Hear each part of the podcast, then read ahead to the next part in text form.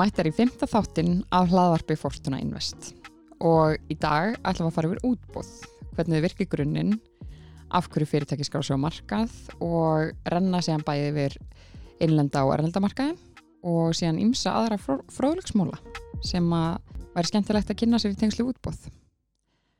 En, Anita, nú erum við að dettin í páskana með tilheyrandi súkulega áti og sko hvað er það besta með súkulæðinu? Kaffi. Það er auðvitað koffinnið. Það er örugglega ekkert sem toppar þetta kombo. Nei, Kaffi og súkkulaði saman. einnig rjúkandi.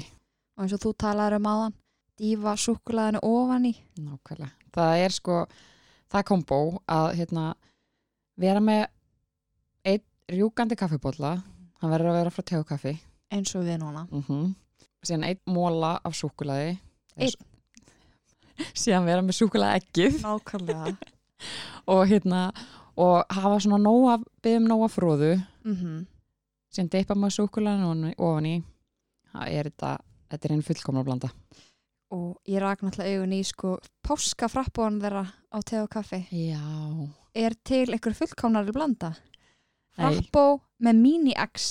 Já, það kemur mér eitthvað ekkert óvart að þú sér trefin á því þar sem ég hef ósjaldan séð þig með póka af Mini-X. Já, þetta er eitthvað sem ég get ekki staðist Nei. og kannski ágætis greiði gerður að þetta sé ekki til allt árið. Nei, og líka kannski ágætur greiði gerður að það er frekar lítið í pókanum. Já, takk fyrir það.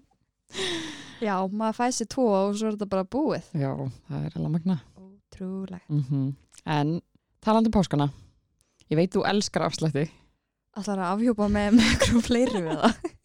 Elskar X og elskar afslætti. Mm -hmm. En sko, Íslandsbanki er mitt með hérna, fríðindakerfi hjá sér sem heitir í fallega nafni Fríða.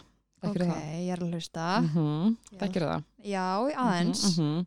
Sko, þetta er sem sagt fríðandakerfi sem að þú notar í gegnum Íslandsbankappið og virkar tilbúðin og síðan borgaru bara með korti fyrir Íslandsbanka og færið endugreitt í samræmi við umræðan afslátt átjónda hvers mánar. Þannig að þú þurft aldrei að byggja um neitt afslátt og til dæmis núna um páskana þá er fyllt af sérstniðnum páskatilbúðum eins og til dæmis Líðafjall á Akureyri, örgulega margir að fara þangað Mm -hmm. Dominos, Jomman, það er nú eitthvað fyrir þig. mm. Mm Þannig að, já, ég veit ekki hvað og hvað, það er, það er nóga tilbúin. Ok, og þú nefnir að maður þarf ekki að mynda að byggja um afsláttin. Nei, maður þarf ekki að standa þessu auðli eitthvað, heyrðu ég hérna með hérna 10% afslátt. nei, mitt, nei, bara getur algjörlega sleppt því. Ok, hvetjum hlustundir til að, að kíkja þetta. Mm Einfalt og þægilegt. Það er líka það best. Mm En sko, þá voru náttúrulega allir og ammaðir að taka þetta í útbúði ár 2021 og 2022. Já, það er rétt. Ég mann með þess eftir, sko, þetta var fyrirsögn á þeim tíma. Akkurat, ég Mhm. vitnaði það. Og hann ætla óvanilegt á þessu ári, þó að sé nú stutt liðið á því. Um, er samt skemmtilega einn ársförðungu búinn. Það var ekkert útbúð verið. Nei. En það var einmitt þannig þegar þessi fyrirsögn hann er skellt fram í útbúði Íslandsbanka. Af því eins og við komum fram í fyrsta þætti þá fjölgaði hlutáðum ansi, ansi mikið í því útbúði og þeir eruðu 24.000 talsins sem er slatti. En það var svona ekki til líkingu við sko, ég var að komast að því að þegar Marel var skráð á sínum tíma fyrir Mhm. hátt í 30 árum þá var þriðjungur á þjóðanni sem tók þátt þar. Vá, það Já. er styrlað. Það er rosalegt. Já, Við höfum alltaf hugsað um Marel sem svona nýsköpuna fyrirtæki. einmitt. En það var bara að fagna færtugsamalið um daginn. Það er útrúlegt. Bara hvaða magna að vera svona rótgróið og Já. flott og stönduð fyrirtæki en svona þekkt fyrir nýsköpun Já, og einhvern veginn alltaf ungt í anda. akkurat. Já, mann líður alltaf eins og þetta sé nýmætt á marka. Tímum flýgur. Tími flýgur og Mhm. auðvitað bara ósku við Marel til hafa mikið með þetta stóra amali. Nákvæmlega. Þetta er stóramæli, það er rétt. En ef við dembum okkur kannski bara beint í hvað eru útbúð og hvernig virka þau? Ef við kannski byrjum aðeins kannski bara á kjarnamálsin. Mm Mhm. Af hverju eru fyrirtæki að skrá sig á markað? Mm -hmm. Og þetta auðvitað hefur verið kannski mikið umræðinni og, og fengið meira pláss bara hjá almenningi sérstaklega eins og það hefur verið síðustu ár að það eru fyrirtæki sem við þekkjum sem er að skrá sig á markað. En ég held að það sé kannski fínt fyrstu við hana, höldum minna á einum góðum rjúkandi bolla Mhm, að ímynda okkur þannig að segjum að þú Kristín mhm. væri það mikill kaffi unnandi að það væri bara þín ástriða að opna kaffehús Okay. og þú myndir gera það Lefa drauminn. lifa dreymin og þú myndir eigða þínu sparið í að opna þetta kaffehús og þú myndir sjálfstanda vaktina og það myndir bara allir hópa stað og vilja fá bara kaffi hjá krillu beint Passaði þig á nafninu Krilla, ég veit ekki hvort ég fóreldra mínu leifa að láta kalla mig þetta, en meina kaffihús Kristínar Hildar nákvæmlega.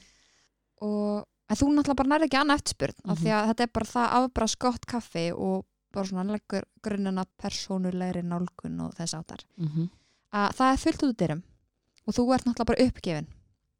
Þannig að þú hugsa með þér ég þarf að fara að ráða eitthvað til að standa á vaktina.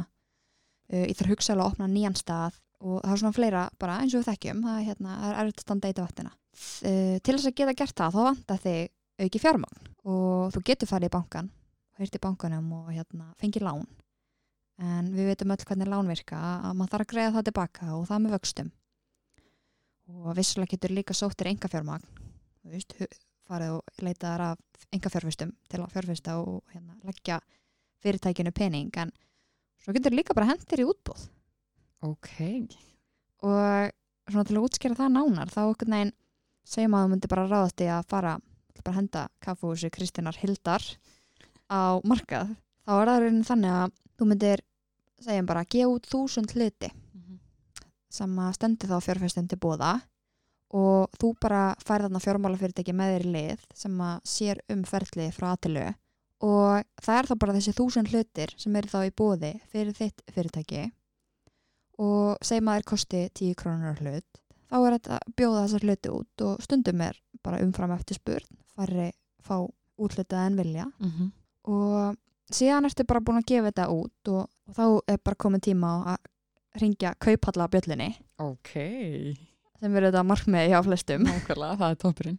og í rauninni sko eftir þann tíma að þegar að brefin eru tekindi viðskipta markaði þá varðar þetta þegar í rauninni ekki neitt lengur Mm Þú veist, þá er rauninni bara verðmæti brefana það bara fer annarkvist upp og niður eftir því hvað, hvað fjárfæstar telja í rauninni bara framtíðar virði þíns fyrirtækis vera Ok. Ertu að fylgja mér? Já, ég er algjörlega að fylgja þér og virkar þú veist líka algjörlega að selja mér þessa kaffehúshugmynd, sko. Já, en ekki Jú. Það var nú hana, ágætt flóra að fá kaffúsin á inn í kaupöllina en Nákvæmlega. hvað veit maður? Já, Starbucks er nú skráð e inn á. einhver stað byrjuðu þau Einmitt. en það er nefnilega sko frábært með okkar miðil að við fáum mjög mikið af spurningum sem að er auðvitað ótrúlega gaman bæðið fyrir okkur að vita hvað fólk er að pæli en eins líka bara hvað upplýsingar er ekki nægilega skýrar. Og það hafa alveg borist einmitt spurningar þegar að félög eru að lækka ákveð mikið í virði hvort að na, þetta kom ekki illa fyrir fyrirtækinu sjálft. Mm og jafnvel hafa komið spurningar að borða það hvort að fyrirtæki þurfa á einhverjum tímbúnd að greiða hlutan tilbaka þess mitt. en náttúrulega munur á því að þú myndir fara í bankan og fá lán versus það að fara og skrá fyrirtæki þetta marka Mm liggur í því að þú þart ekki að borga þennan pening tilbaka Þessi útskýring Anita, hún var 10 að 10. eða Mm -hmm. Vá. Mm -hmm. frábært En þó þetta sé náttúrulega vissulega kannski aðeins flóknara í raunveruleikanum. -hmm. 100% þetta er þetta bara En dæmi til mikillar einföldunar nákvæmlega, mun þægilega að ímynda sér þetta svona. en, en svona vonandi skýrir kjarnamálsins af hverju félag er að skrá sig Já, nákvæmlega, En svo auðvitað eru heilmargir aðri kostir sem að auðvitað félagin horfa til. einmitt. Þannig að þarna einmitt, þarna erum við komið frumútbóð sem er ein tegund af hlutafjárútbóði og þar sem einmitt fjárfestum gest og tækifæri til að kaupa hlutabrif í félagamarka í fyrsta skipti. Og það er þetta IPO á hansku. Mhm, mhm. Já, þetta er flestar hafa séð það kannski.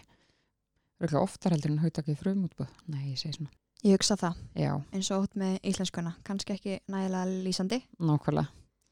En á ég samt segja þér, veistu hvena fyrsta, svona, í- þegar við fyrir að tala um sögubækunar, Mhm. veistu hvena fyrsta útbóðið var bara skrásett? Nei, segð mér. 1602. Vá, Við erum alltaf að rýna í sögubækunar í þessum, í þessum þáttum, en við elskum sögumarkaðaris. þetta er rosaleg Já, langt síðan. 1600. Já, þetta... En já, við Mhm. vorum að tala um frum. Já, þetta er gott innskot. en einmitt, sko, það var mitt mjög skemmtilegt dæmi hérna um, um fyrirtækið Alibaba sem sagt stopnandinn hann heitir Jack Ma. Var loksins að sjást á lífi um He- heyrðu já, það er rétt. Sást í Kína. Já, já. Og hérna hann sem sagt já, það var ákveðin miskilningur fyrst til að byrja með þess að ætla ég að segja þessu sögu að því ég held þetta hefði verið í tengslu útbóði mm. en þetta var sérst í tengslu með ammali hjá fyrirtækinu. Og hérna og það náttúrulega fylgir þessum fyrirtækjum alltaf svona risapartí og fullt af gleð og gaman sko nema þarna í þessari ammælisveislu sem hann held að þá tók þessi maður upp á því að klæða sig í silfuleitaðan jakka og sett upp einhver rosa glerugu og tók síðan okkur dansbúr fyrir starfsmennina sína. Forstjórin Já. Gekja.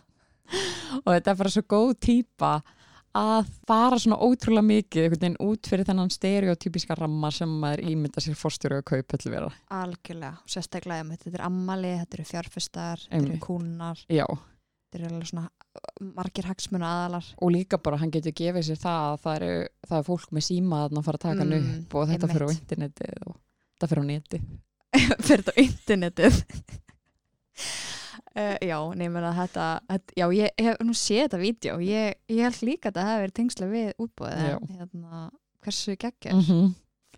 ég held að þetta sé með þetta er svona skemmtilegi bragurinn sem er kannski komin á útbúið núna svona í setni tíð Mhm. versus kannski fyrir nokkrum árum þegar einmitt þetta var kannski og meðan hann hefðbunda þess að hefðbunda stereotypu af ykkur fjárfesta sem að einmitt ringir kaupallabjöllinni bara upp í kaupöll sko. En einhvern veginn svona við hefum séð núna nýverið ég menna Nova hendi bara upp reysa diskokúlu og, og svo kaupallabjöllinni fyrir framann hana í ármólunum og ringdi þannig inn viðskiptin. Einmitt. Play ringdi inn viðskiptin í hálóftunum Mhm. það er náttúrulega við aldrei gerst í sögu Íslands. Og, og hvað, já, síldavinslan henni, já, kaupallabjöllinni var nú bara komið um borði í, í bátnum hann á nesköpta já, það er bara frábært að hérna, hún- sé nokkuð færanleg og geti farið bara ykkur ringferð er nákvæmlega einmitt. Og svo náttúrulega verðum við þetta að nefna það líka að til dæmis uh, þegar við horfum á Whitney Wolf fórstjóra Bumble, hann að Mhm. stefnum út af fyrirtækisins hún ringdi það bjöllina á Wall Street og, og var þar ekki ein, heldur var hún með litla badni sitt í fanginu sem var náttúrulega bara geggjað og sérstaklega líka í ljósið þess að hún var yngsta konan til að skrá félagið sitt á hlutabræðamarka á þessum tíma og svona eftir sína sögu af svona því sem hún har að gera áður hún stopnaði félagið þá var þetta náttúrulega bara alveg algjör negla. Já, þetta er geggjuð saga, bara algjör fyrirmynd og hérna það náttúrulega bara breyti líka svo miklu að þessi fyrirtæki geti svona farið að tengja þessa kaupallarhingingu við sinni rekstur og hvað þau eru að gera. Algjörlega. Gera þetta svo miklu skemmtilegra. Miklu skemmtur mm -hmm. en hvar myndið þú vilja ringin þinni kaupallabjöllu? Ó, góð spurning. Sko, ég allavega, ég var svona að hugsa þetta, að ég myndi allavega taka upp á því að vera sko, að ég var að hugsa um hann Jack Ma, Mm. stofnanda Alibaba, að hérna, ég myndi allavega, sko, ég veit ekki hvernig, en ég myndi taka þetta einhvern veginn út frá dressinu. Já, Dressið yrði umtalað já, og búa til smá svona markaðsherferði í kringum þetta, sko. emitt Já, það verður bara spennandi að sjá hvað Já. verður fyrir valinu Býtu bara Já, þegar ég, kaffús krillu fyrir á markað. Einmitt, ég býð spennt sko. kannski líka við því að bæta ég menna bara eins þegar að verða ykkur að markas, eða ykkur að fréttir að markaðanum, hvort Mhm. sem það er að vera að skrá þess að vera að fagna skráningar ammali, þá byrtast alltaf tilkynningar á Times Square Já, einmitt. hjá hann að Nasdaq Já, þannig að maður getur eins bara verið hann stattur í New York og Mhm. sé bara fréttir um ílska markaðin mm Sko, svo ég tróði því nú fram að ég fekk að fara í kaupallin í Tókjó og sá bjöllurhingingu. ding ding Já, það var svolítið svona eins og maður hefði ekki myndað sér. Það var engin beint að fara út fyrir ramman þarna og ég þekkti ekkert fyrirtæki sem var verið að skrá.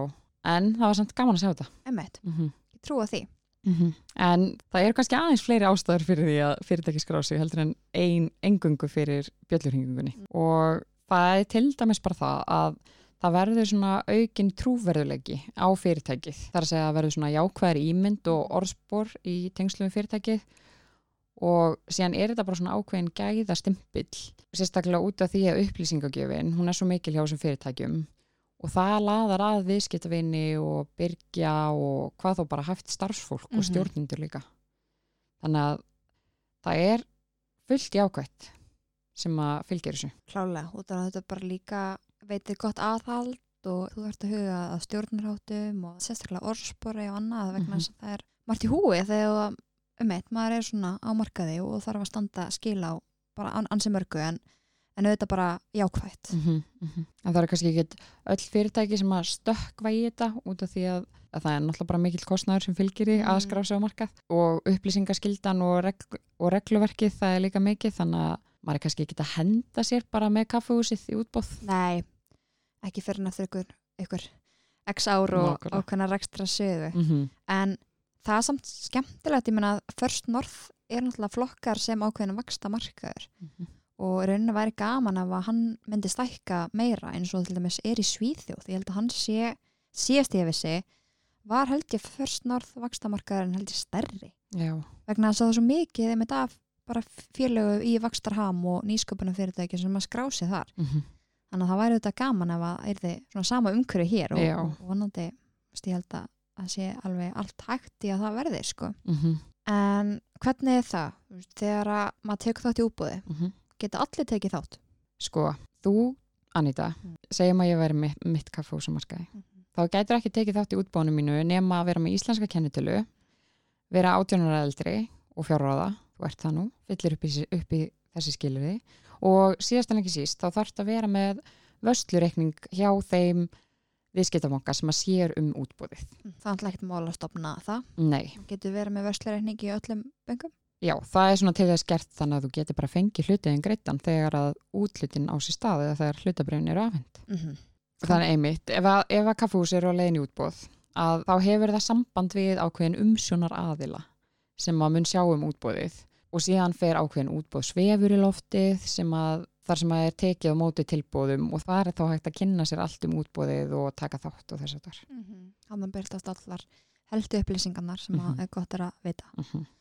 en því miður þá vill oft vera svona ansið mikið regluverk í kringum, ekki því miður Mhm. en svona, þú veist, þetta getur verið bara fyrir einstaklinga, frekar kannski umfangsmikið að að fást við og sérstaklega með, þú ferðir inn á svona útbóðsvef og það er einhver skýrsla sem blasir við og hún er kannski 100 til 150 blaðsjör, Mm -hmm. auðvitað kannski eigi ekkert allar upplýsingar við, en við hvetjum samt alveg auðvitað aðila til að kíkja kannski ranna yfir þetta.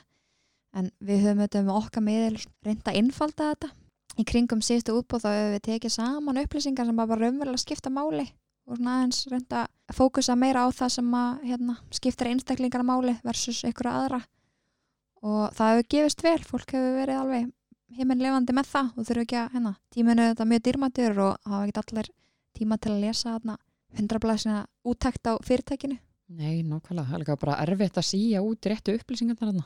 Akkurat, en hvað er það svona einmitt í tengslu við útbóð sem að þarf kannski svona sérstaklega að hugað Sko, til dæmis það eru upplýsingar sem við höfum reynd að taka saman eru til dæmis útbóðsgengi sem er þá hvað eitt hlutabrjöf kostar í útbóðinu og það getur þá verið ákveðið fyrirfram eða þetta getur verið á okkur verbili. Og síðan kemur líka fram lámarsk upphæð sem þarf til að taka þátt og síðan er það útbóðstímabilið sem að getur til dæmis bara verið vika þar sem að má leggja inn tilbóð en síðan geta fyrirtækin alltaf ákveðið bara ok, það er bara komin allt og mikil eftirspurn eftir brefunum okkar. Við ætlum bara að loka á það núna einmitt, höfum alveg séð sko fyrirtækjum, þau eru eiginlega bara frjálst að haga þessu eins og þeim hendar við höfum alveg séð að útbúður lokar kannski fyrr heldur en að spá það er einmitt búið að gefa út að sé eitthvað, eitthvað, eitthvað ákveði tímabil og fyrirtæki hefur þetta að gefa það út að það ætli, það ætlar að selja þúsund hluti bara sem dæmi.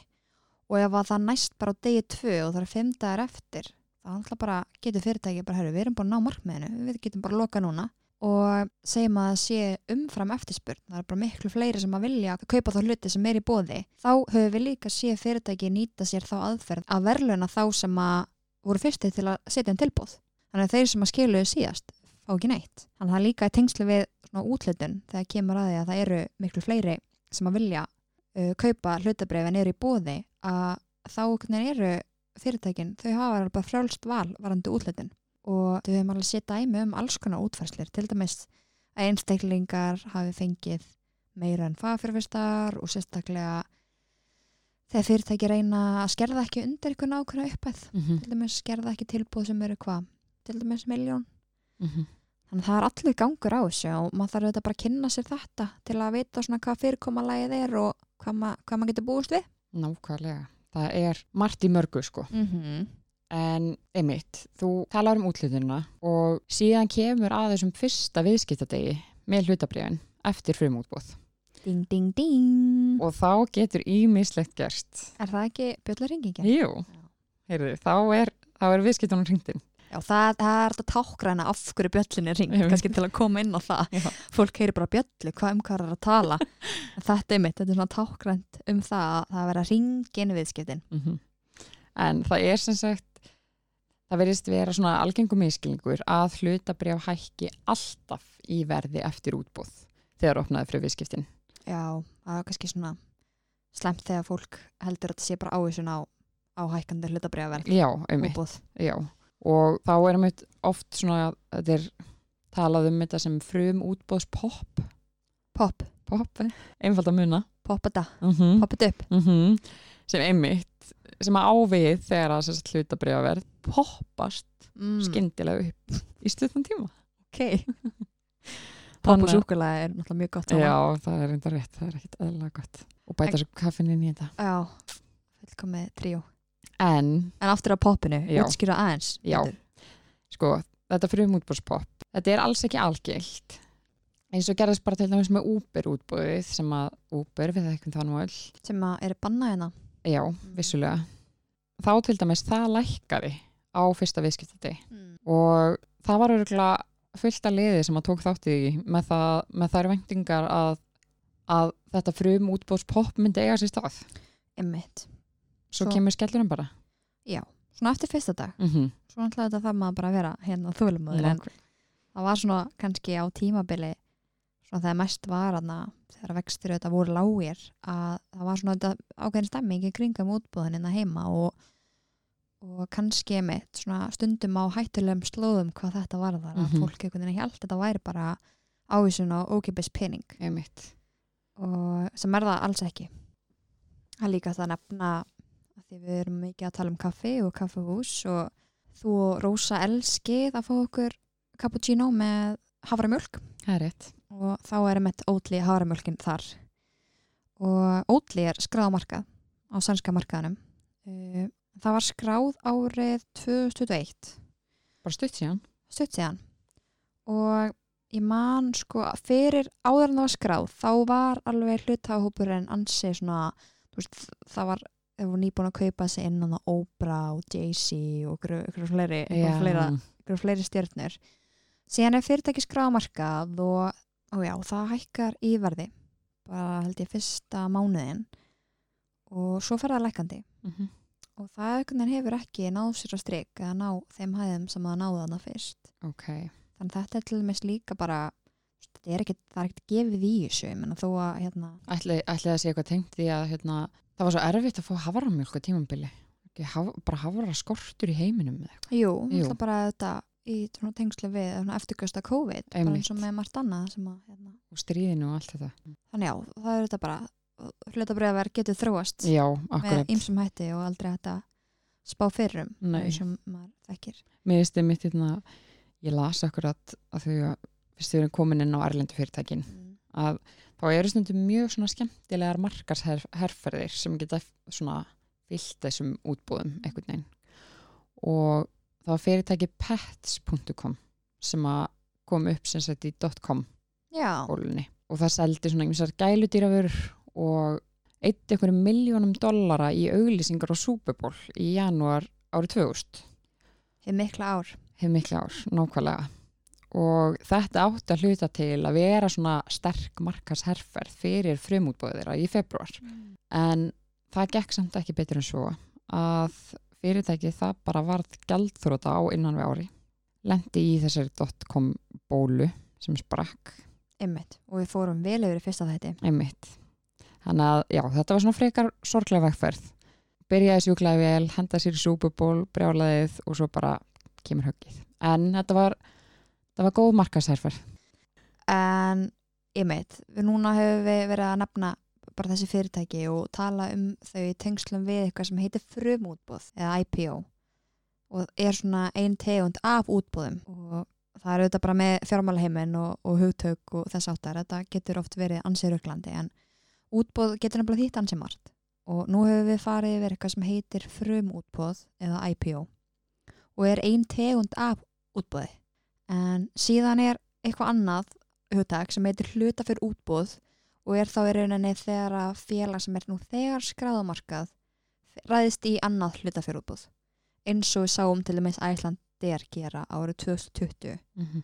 það er skráðamarkað en það vantar ákveði fjármagn inn í reksturinn og ákveði þá að ráða í hluta fyrir útbóð sem að fjárfesta geta þá ákveði hvort þið taki þátt eða ekki en nóga ykkur sem er nú þegar liðið Nákvæmlega. hvernig lítur árið 2023 út? Horfum fram á við. Það er, það er ólíklegt að það verði einhver útbóð fyrir sumarið en við vitum samt að það eru einhver í pípunum. Og við fengum um staðfest að stjórn Bláa Lónsins hefði staðfest að hefja undirbúning að því að skrá félagið á marka í haust. Þannig að það er nú stutt í það. Og Það væri nú gaman að fá um eitt annað ferðarþjónustu fyrirtæki á markað. já, ná, líka sérstaklega að því það er Bláa Lónið er ekki bara Bláa Lónið eins og við þekkjum það, þú veist, þeir eru með Já. veitingastæðin og þetta er svo stór batteri Mm -hmm. það verður mjög skemmtilegt að fá það átnin þetta er svo rótgróið við Ísland Akkurat. bara, Það er bara aðdráttarafl. mm En svo bárust líka fregnar því um daginn að hérna á- eru þá tvö sjárótugsfyrirtæki sem eru að saminast sem er þá Ísfélag Vestmanæja og Rammi og það hyggst skrá saminað félag á markað sem að mun þá heita Ísfélagið. Það var náttúrulega líka bara frábært að fá það á markað. algjörlega og síðan er náttúrulega líka dæmum félög sem að er stefna á afskráningu Já, það því miður fylgir líka. já, og Origo verður afskráð til dæmis í loka apríl Emitt. það er nú bara mánuðinum Eftir að yfirtöku tilbúð barst í fyrirtækið. mm og það var samþykkt Það var samþykkt og það vilji nýra eiganda að afskrá félagið Mm. og kaupöllin samþykti það Mm. nýverið.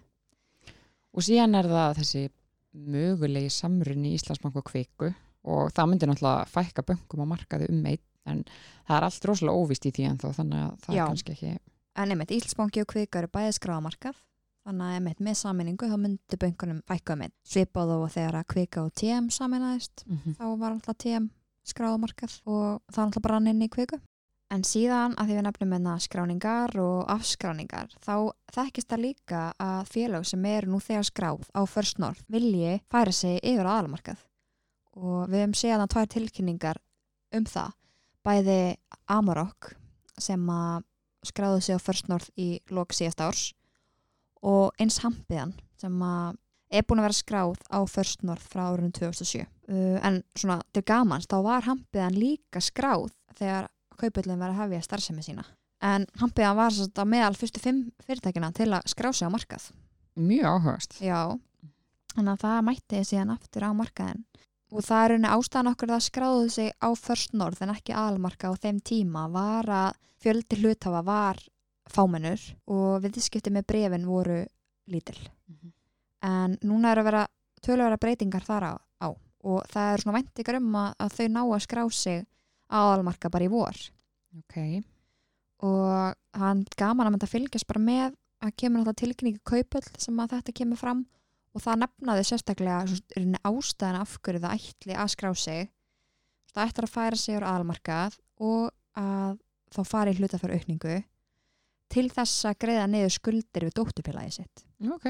Þannig þarna það er hægt að sjá bara fyrirtækin eru alveg að koma með skýringar á hlutunum Mhm. af hverju það er að fara í þessar, í þessar áallanir mjög skemmtilegt. En það er líka nýlega sem ég las viðtal við Magnús Harðason sem er forstjóri kaupallarinnar uh, í viðskiptablaðinu þar sem hann er að tala um tækifærin á mörgum og, og þar nefnir hann að það eru fjölmörg fyrirtæki sem hafa búið komið sína á markað.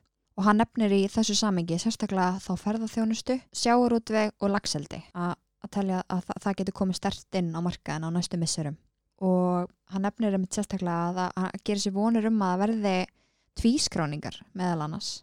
Og það þekkist náttúrulega alveg kaupöll að fyrirtæki eru skráð á tvo marka eins og, Alvotek já, það er skráð í bandarenginum og hérna heima. Mm -hmm. og Arján banki líka, hann er skráður í Svíþjóð.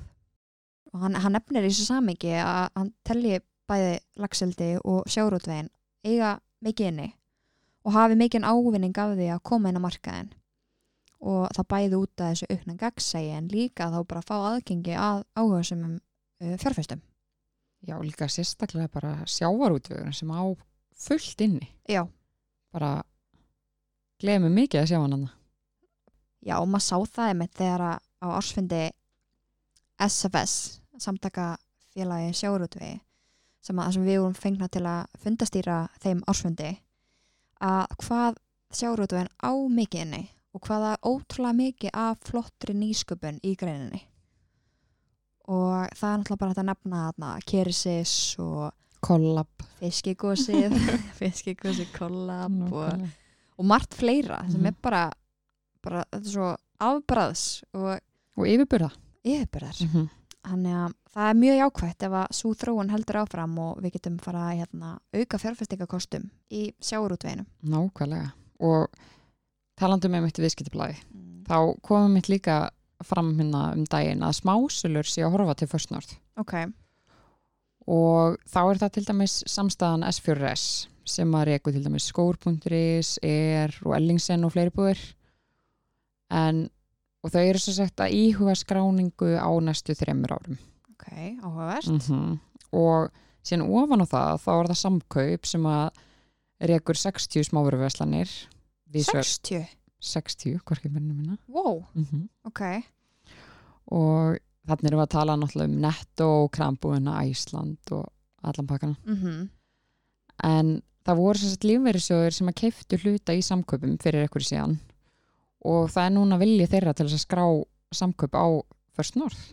Og þá er verið að horfa mitt á mitt árið 2024 cirka ok, aðteklisverst mm -hmm. þetta er bara dæmi um mjög fjölbreytt fyrirtæki inn í hérna núverandi Nákvæmlega, markað. E, algjörlega.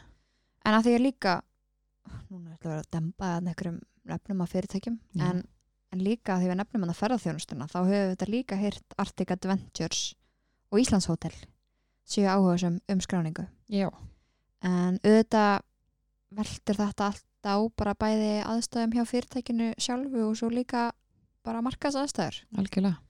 Og það, og það er aðstöður geta náttúrulega tekið breytingum hvernig sem er Akkurat. en þetta er svona allavega það sem er, það sem er í pípunum Já, þetta er bara mjög jákvætt Mhm. og vonandi að fara eitthvað að þókast áfram í þessu. -hmm. og þá þegar að fyrirtækin fara að setja upp sinn útbúðsvef og, og setja þessar st- stóru dóðranda á netið og fólk þarf að fara að finna réttu upplýsingarnar til þess að geta tekið þátt þá voru við mættar við verum mættar búin að leysa þetta allt og fólk getur sleppt því að taka hérna stækkunaglerið og reyndi smáletrið. Við verum búin að fara í gegnum þetta allt saman. Við verum búin að græða þetta en af því við höfum daldið talað um íslenska markaðin er eitthvað í gangi erlendis? Herru já, það er allavega eitt mjög skemmtilegt dæmi að sem sagt, fyrirtæki Reddit sem að við einmitt könnumst nú flest við í tengslum við GameStop-málið. To the moon. Mm mm. en þau eru að íhuga að skrá sig sittna á árunu ok, það er mjög fróðult að vita hvernig það fer með að við einmitt hvernig GameStop-málið þróaðist. Nákvæmlega. Og sko, já, hvernig var þetta GameStop-málið eftir? mm, þetta er náttúrulega mjög um, umfangsmikið. Já, en það voru að einhverju fagfyrirfestar sem ákveða að taka svo kallega skortstöðu í fyrirtækinu sem því það er raunni að þú ert svolítið að veðja á að hlutabrið fyrirtæki sem slækki svona öfutið það sem við viljum helst, við viljum auðvitað að sjá verðmæti aukast og að hlutabrið verð hækki. En að taka skortstöðu er um þetta að gera heið gagstæða og þetta fór ansi illa í litlu fjárfestana á hvað hétt spjallrásinn Wall Street Bet já, á Reddit? Já. Og hérna aðeins að fara eitthvað nánar út í það það var mjög, það var svo gaman að lesa hennar þráð, mm því þetta var svo, var svo mikil heift og en allavega það var hann að hópu fjárfesta sem bara ákvaðast að ákvaða að taka höndum saman og, og fara að kaupa hlutabrif félagsins í massavís sem verður til þess að hérna, hlutabrif er hækkar alveg allverulega og sem fer náttúrulega algjörlega á skjönu við það sem þessi fagfjárfestar voru að vonast til. Einmitt. Þannig að þegar þeir eru búin að veðja og gera svona sko, já, samninga um það að hlutabrið verði lækki þannig að tapa þeir all, bara stórum fjárhæðum einmitt, á því að hlutabrið verði hækki þannig, og þetta var eitthvað algjört fíasko og held alveg, held alveg í ákveðin tíma Já, algjörlega. Og þetta sko, máli að þetta var hluti af ástæðinu að sagt, Reddit var búið að senda inn tilkynningu árið 2021 um það að þeir ætlaði að skrá sig.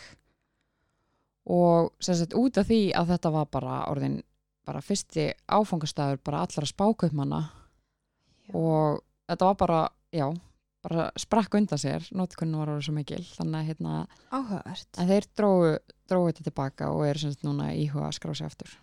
ok, getur vantilega hérna treyst á ákveðin fjárfesta hóp þar Nákvæmlega. með að við, þetta var, þetta var rosalegt þetta var svona nýji skólin að markaði Algjörlega. og eitthvað sem að hafði ekki gerst áður eða, eða aðlar höfðu kannski ekki haft væntingar um að myndi gerast það hafði einhvern veginn enginn geta sé fyrir sér að þessi atbyrðrás myndi gerast Nákvæmlega. svo erum að tala um þetta, þetta fyrir, þessi atbyrðrás gerist fyrir tveimur árum Já. en nú, núna lílega kom svo sagt frétt um það að GameStop hefði skila, skila hagnaði Ok. þannig að hlutabriða verði fór aftur að taka snúning Það er þetta mjög ánægilegt að heyra.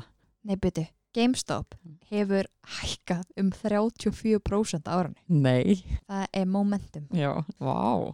áhugavert Já. En einmitt talandi um sko erlendamarkaðin og við förum kannski eina svona hugtakapælingu í viðbútt Mhm. að þá hérna e, er eitthvað ennsku sem heitir stokksplit og þetta kemur stundum í fréttum líka en á íslensku er þetta jöfnunar hlutabrif og þetta er í rauninni bara þegar fyrirtæki skiptir núverandi útgefnum hlutabrifum upp í fleiri hluti þetta er vissulega ekkert eitthvað bengtengt einhverjum útbóðum en svona markmið með þessu er sérst að gera hlutabrifun hagkvæmari fyrir mögulega fjárfæstað til dæmis Tesla gaf út svona jöfnunar hlutabrif árið 2020 þar sem að hlut hafa fenguð þá fimm hluti fyrir hvert hlut og þá verða hlutirnir fleiri en hver hlutur ódýrari. Þannig að þarna er kannski verið að laða að nýja fjárfesta sem að fannst kannski áður að verðið væri aðeins of hátt. Og þarna fá þeir þá hlut á aðeins lagra verði og heildina litið þá getur þetta verið svona jákvægt merki fyrir fjárfesta þar sem að það er svona verið að gefa til kynna að fyrirtæki sé að vaksa og stjórnendunir séu svona frekar öryggir um framtíðina. já, áhugavert Mm Það er sko nóg af hugtökum í þessum bransa. já, og emitt á að íslensku geta þau verið ansi Já, svona að, gert þetta aðeins flóknara einmitt. það er allavega alltaf lífa í þessu og nóg að gera alltaf eitthvað í gangi sem eru það bara það skemmtilega við að, við, að, við að vera á markaði og fá að starfa við þetta. En, en það er bara gaman að sjá um daginn og fá bara staðfestingu því hvað ungt fólk eru ótrúlega veiga mikið á markaði.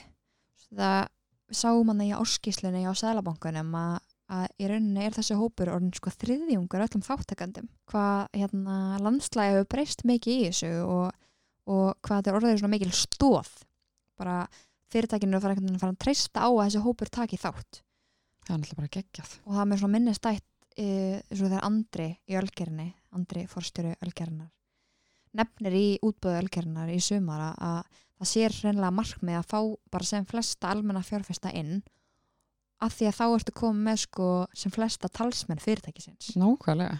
og þetta undistreikar svo mikið með hvað þetta er orðið mikilvæg þáttur hjá fyrirtækjum þegar þeir eru útbúð að fá inn sem flesta almenna fjárfesta Akkurat. Og bara frábært að sjá að einmitt, ungt fólk er bara þriðjungur þetta er bara, þetta er rosa stór Já, það er magnað. Og líka að því, jú, unga fólki er framtíðin. Ekki? um 100% Mm -hmm. og við sáum þetta alveg um daginn við vorum með erindi á Örbergardaginum það sem var eða bara fullt út úr dyrum Mjög skemmtilegt dagskrá. mjög skemmtilegt og fólk á öllum aldri Já. svo það sé tekið fram Mm -hmm. en það var mjög gaman að koma þar fram Já, og líka bara að því að þetta voru svo fjölbreytti fyrirlesarar sem að allir voru svona að deila sinni reynslu og þekkingu og þetta var allt saman svona með því markmiði að bæta fjárhastla hilsu.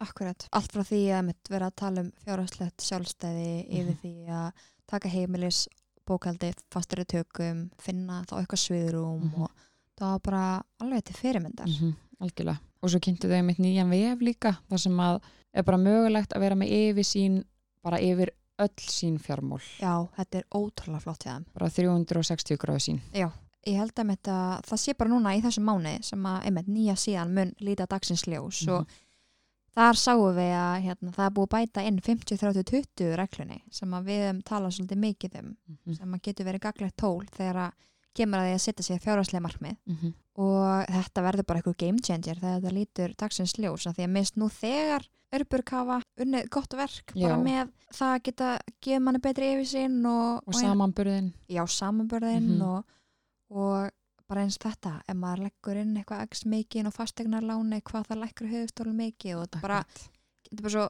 briljant að þú þarft að hafa þetta fyrir fram með til einhvern veginn að Mhm. ná betri tökum á þessu og að það verður bara geggja þegar að nýja síðan þegar það kemur í Algjörlega. loftið? Mhm. En Anita, ég held að við séum bara farnar í eitt kaffibotla og, og, Súkkulaði átt, og súkulega með. Já, Er það ekki? Ég held það. Mhm. og við vonum bara sannlega að þið séu líka í þeim gýr. Akkurat núna. Akkurat núna. Að góða við páskafrí, þetta er bara afslöpun Já, ekkert nema njóta. Við segjum bara gleðilega páska. Gleðilega páska. Gleðilega páska